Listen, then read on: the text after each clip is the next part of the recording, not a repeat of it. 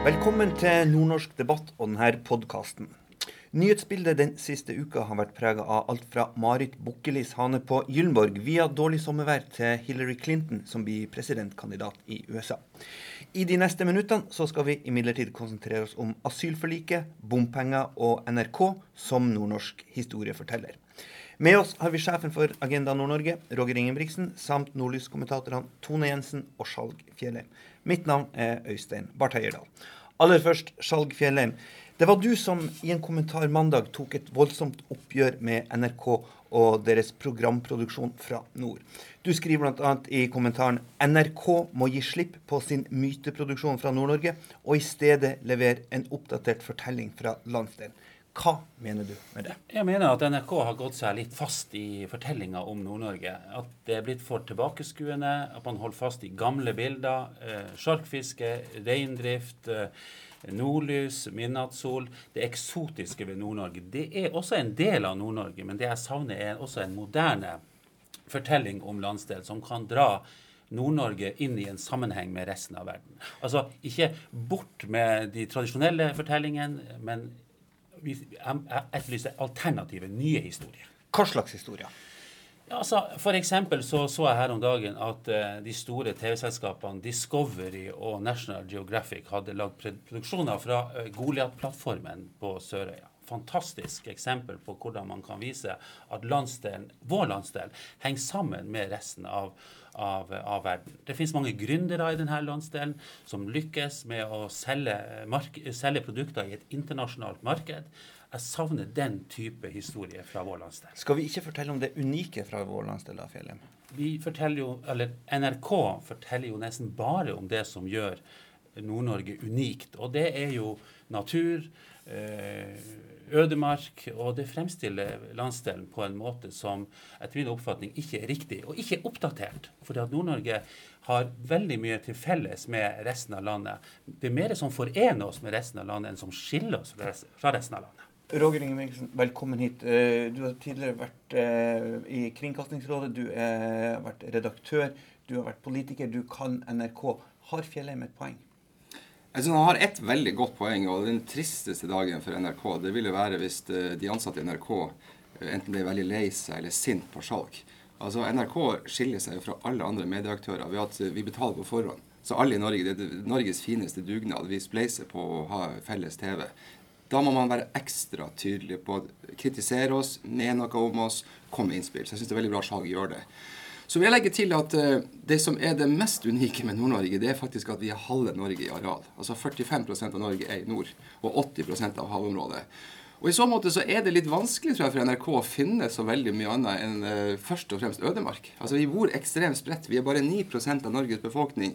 Vi bor i Bodø og i Tromsø og få byer, ellers så bor vi veldig veldig spredt. Og det er mye brøyt, og det er mye fisk, og det er mye fjelltopper. Så jeg tror at NRK gjør en god jobb og formidler fortelling for, fra og om Nord-Norge. Så kommer det store mennet. Hvorfor ikke oppsøke de miljøene i byene som faktisk er helt unike i verden, på de tingene de er unike på, bortsett fra at de bor i en by? Eh, vi har eh, folk som finner ting i havet som eh, kan være fremtidens kurering av kreft. Hvorfor ikke lage TV om det? Vi har datafolk som er helt på nivå med de aller beste i verden, som utvikler fremtida her i Tromsø og i Bodø. Hvorfor lager man ikke TV om det? Vi har en del av forsvarssektoren som har de mest avanserte systemer i hele verden. Hvorfor ikke lage mer TV av det? Så jeg tror at NRK treffer ikke planken 100% bare 90% De er litt for opptatt av geografien og litt for lite opptatt av det som skjer i byene. Treff, treff Fjellheim planken 100 det gjør han ofte. Og jeg synes i dette tilfellet, så, i hvert fall hvis målet er å skape en debatt om NRK, så syns jeg han treffer planken 100% Men jeg har altså en litt mer sånn nyansert syn. For jeg mener at det er fint med brøyt i vei. Jeg skulle bare ønske meg litt mer også om uh, måten vi bruker hodene og hendene på utover det rent rurale vi holder på med. Kan jeg bare få si helt kort at Grunnen til at jeg skrev det, jeg skrev, er jo at NRK skal ansette en ny TV-redaktør for Nord-Norge.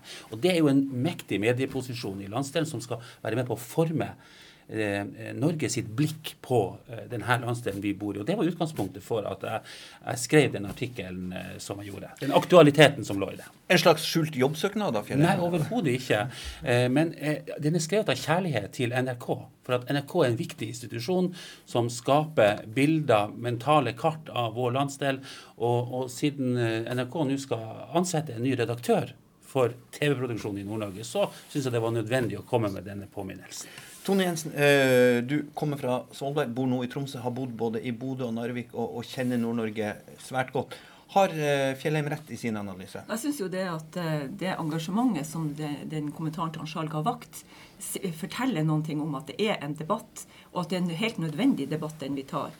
Eh, det har jo bedra seg litt da fra i 2011, da man kom med den grusomme serien fra Vardø, hvor, hvor man liksom fremstilte nordnorske ungdommer som bare lå, ikke gikk på skole, ikke jobba, lå til langt på dag osv. osv. Ga et fullstendig feil bilde av en landsdel. Denne landsdelen hadde jo ikke fungert hvis nordnorsk ungdom hadde vært sånn. Det dreier seg faktisk litt om omdømmebygging for Nord-Norge. Så er kanskje ikke den fugleserien fra, fra Finnmark som man nå skal i gang med, kanskje den helt sånn rette serien i denne sammenhengen, men eh, det er veldig viktig at vi har et, eh, et blikk på NRK, at det er en kontinuerlig debatt om det de presenterer fra Nord-Norge. For Jensen, er det ikke sånn at skal man nå opp i, i, i nasjonal sammenheng, så må man skille seg ut?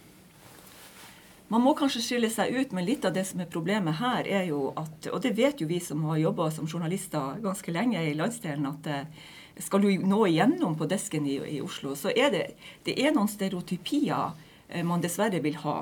Og Det syns jeg Skjalg fikk eh, veldig godt frem i sin kommentar, at eh, man, man har et, et, et, et, visst bilde av hva Nord-Norge er, og hvem nordlendingene er. Og de, de, de, bildene dyrker man, og det er på tide å finne nye. Steinar Fenriksen, redaktøren i Trond Folkeblad, er en fantastisk fortelling fra 90-tallet som illustrerer veldig godt det Tone sier nå. Han lagde en sak om et nytt dyr som var kommet i havet, kongekrabbe. Han fikk aldri saken på trykk. Men den dagen han fikk en marinebiolog til å regne hvor lang tid ville det ta for kongekrabben å krøpe til huk i Oslofjorden, da ble det en dobbeltside og henvisning på førstesida. Mennesker i Oslo de er primært interessert i oss hvis vi sier noe som er relevant for dem. Hvis vi formidler bare en historie herfra, så er det lite relevant. Jeg tenker, at, eh, jeg tenker at NRK sin vanskelige jobb, og nå har vi fått ny sjef der oppe, Anders Oppdal, det å finne balansepunktet. Hva liker folk i verden å se om Nord-Norge? Hva liker folk i Norge å se om Nord-Norge, og hva liker vi sjøl å se om Nord-Norge? Og det er sannsynligvis mer å fortelle enn de historier som primært kommer fra de aller minste bygdene. Vi må også tørre å ta med at vi også er bysamfunn, og har universiteter og har en akademisk sektor og teknologi i Nord-Norge. Uh, Tone Jensen var inne på, på stereotypiene. Er det, eh, er det, en fordel eller en ulempe at uh, nordlendingen er, kan fremstå som karikert?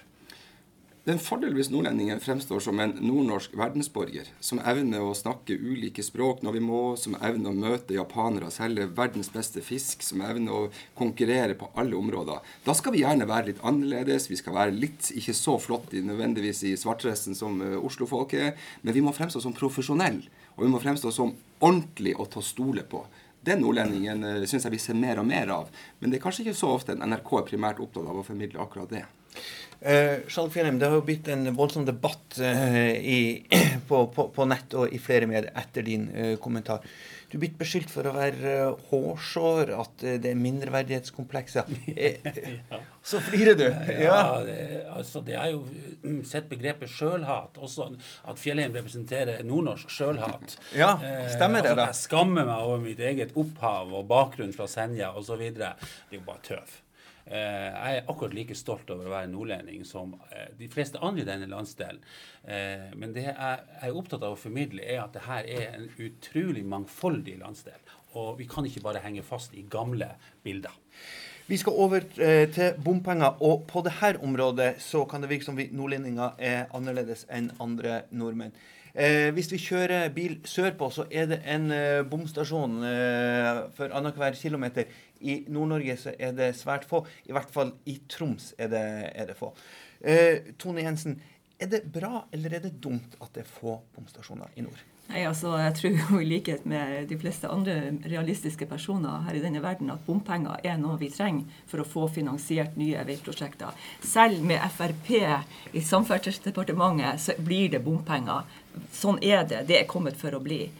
Eh, så er det noen ting som man skal være obs på når det gjelder innføring av bompenger. Og det er jo, eh, Tromsø er jo nå i gang med det. Vi vet jo ikke hvor, hvor de bomstasjonene blir, vi vet ikke hva det vil koste. Men vi har erfaring fra, jeg har jo erfaring fra Narvik nå nylig. Vi, det ble innført bompenger på E6. Du, du har pendla mellom Narvik og, og Tromsø i, ja. i, flere år nå? Eh, men eh, det ble innført bompenger der. Og, og, eh, og fremover laga en reportasje på en småbarnsfamilie som bodde utafor Ringen og som fikk en, en månedlig utgift, eh, kostnad på mellom 5000 og 6000 kroner ekstra pga. at de måtte kjøre gjennom denne bomringen for å komme til jobb.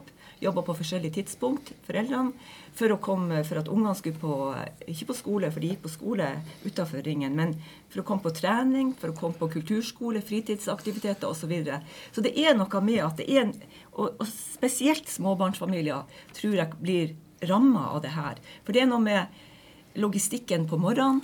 ikke sant? Du har en jobb et sted i Tromsø, du har bolig et annet sted, du har, eh, og du har barnehagen kanskje en, en helt annen plass.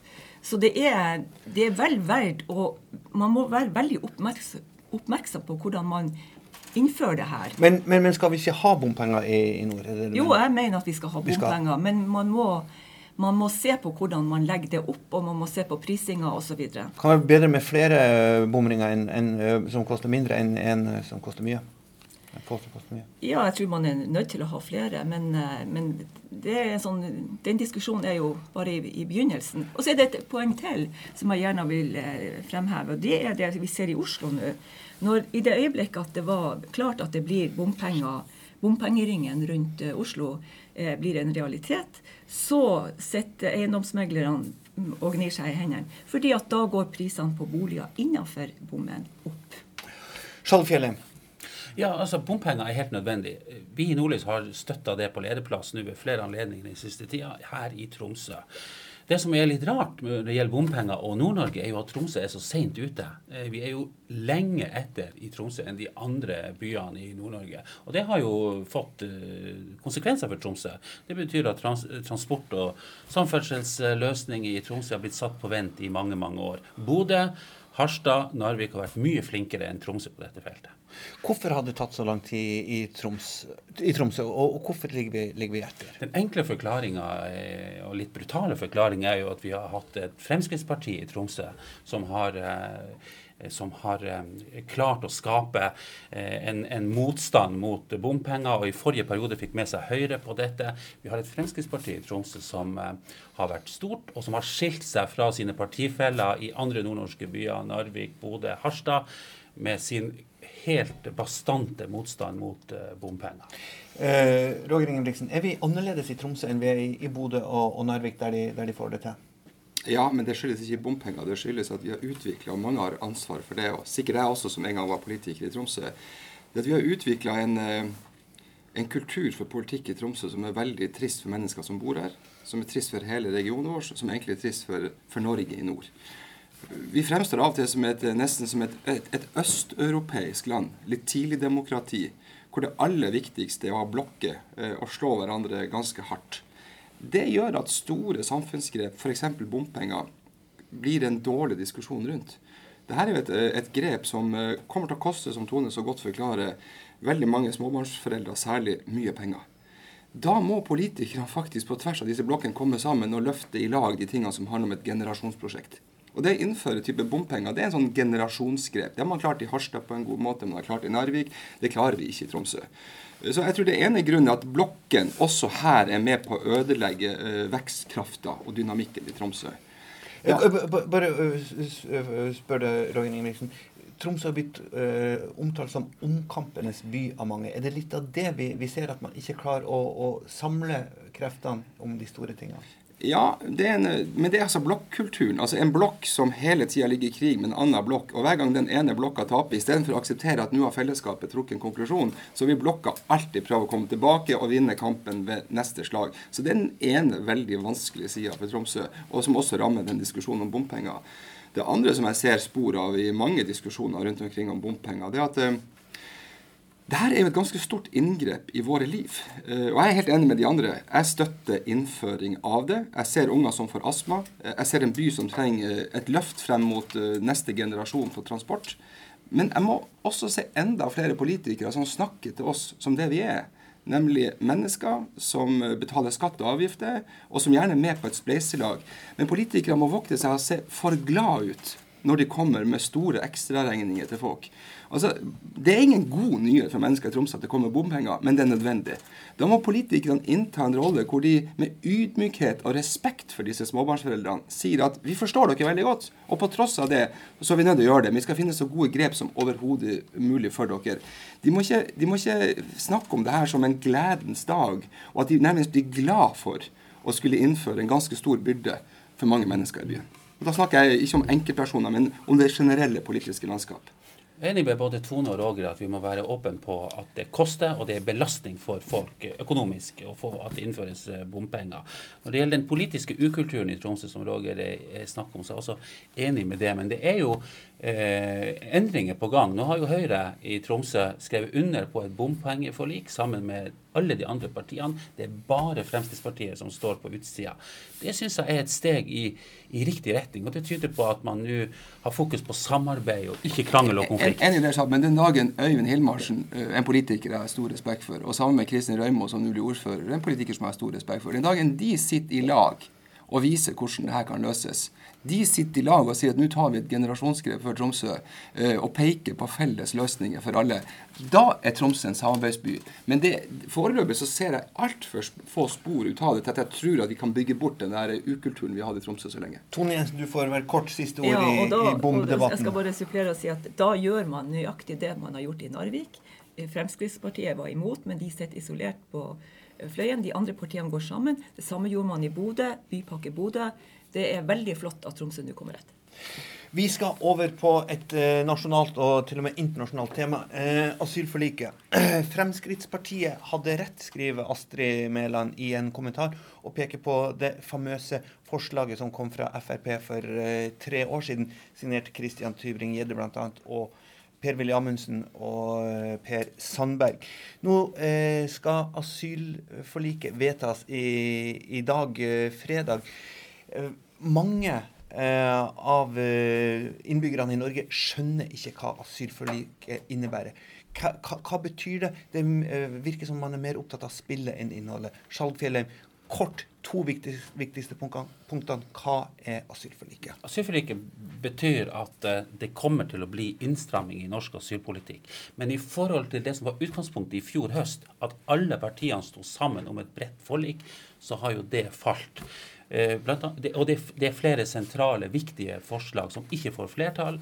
Det gjelder eh, ikke minst eh, forslag om innstramninger når det gjelder familiegjenforening, og når det gjelder mulighetene for permanent opphold for mindreårige asylsøkere. Og Begge disse to punktene er jo ifølge migrasjonsforskere og innvandringsforskere viktig for å begrense tilstrømninga av asylsøkere til Norge. Hva betyr det? Ja, altså, Dette vil jo bety, sånn som jeg ser det, at man i Norge dessverre legger til rette for at flere som ikke har en legitim grunn til å få opphold i Norge, flere som ikke er reelle flyktninger, vil kunne komme hit.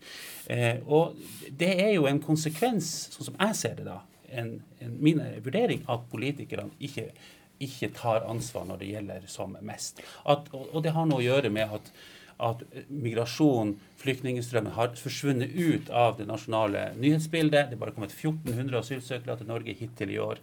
I fjor kom det 30 000. Og man kanskje glemt det som skjedde i fjor høst. Roger Ingebrigtsen, Astrid Mæland sier at eh, Frp hadde rett. De fleste andre tok feil, inkludert hun selv. Tok du feil? Ja, Nå slipper jeg selvfølgelig å stå til rette for de feilene, sånn som jeg måtte gjøre da jeg var politiker. Så her kan jo vi, vi, vi, vanlige borgere eller samfunnsaktører, men som ikke er politikere, vi har jo lov til å ta feil og, og bomme litt. Ja, for så vidt politikere også. Men, eh, men jeg syns ikke det er så interessant hva Fremskrittspartiet mente for tre eller to eller ett år siden. Jeg syns det er interessant hva folk faktisk mener i dag. Eh, og det som jeg syns er utfordrende med, med, vårt lille demokrati nå, det er at vi synes som at vi, vi bygger løsninger for sånn som situasjonen er akkurat nå hvis det var nå et ekstremt press mot Norge, så ville med andre ord løsninga sett annerledes ut.